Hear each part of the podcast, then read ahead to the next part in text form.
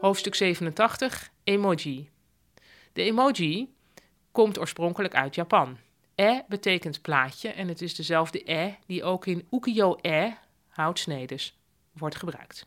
Moji betekent schrijfsel. Plaatjes schrijven dus. Zoals met de meeste Japanse woorden bestaat er geen meervoud van. Het is dus één emoji, twee emoji. En het heeft dus ook niks met emotie te maken trouwens, maar goed. Zoals Japanners de emoji bedoeld hebben, worden ze in het Westen vaak niet begrepen. Het gezichtje met een druppel snot uit de neus had ik bijvoorbeeld altijd opgevat als verkouden, maar nee, dat blijkt slapen te betekenen.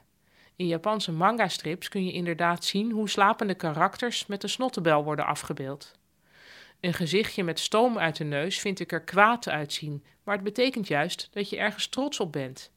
En de drol met de vrolijke oogjes? Daarmee wens je iemand geluk.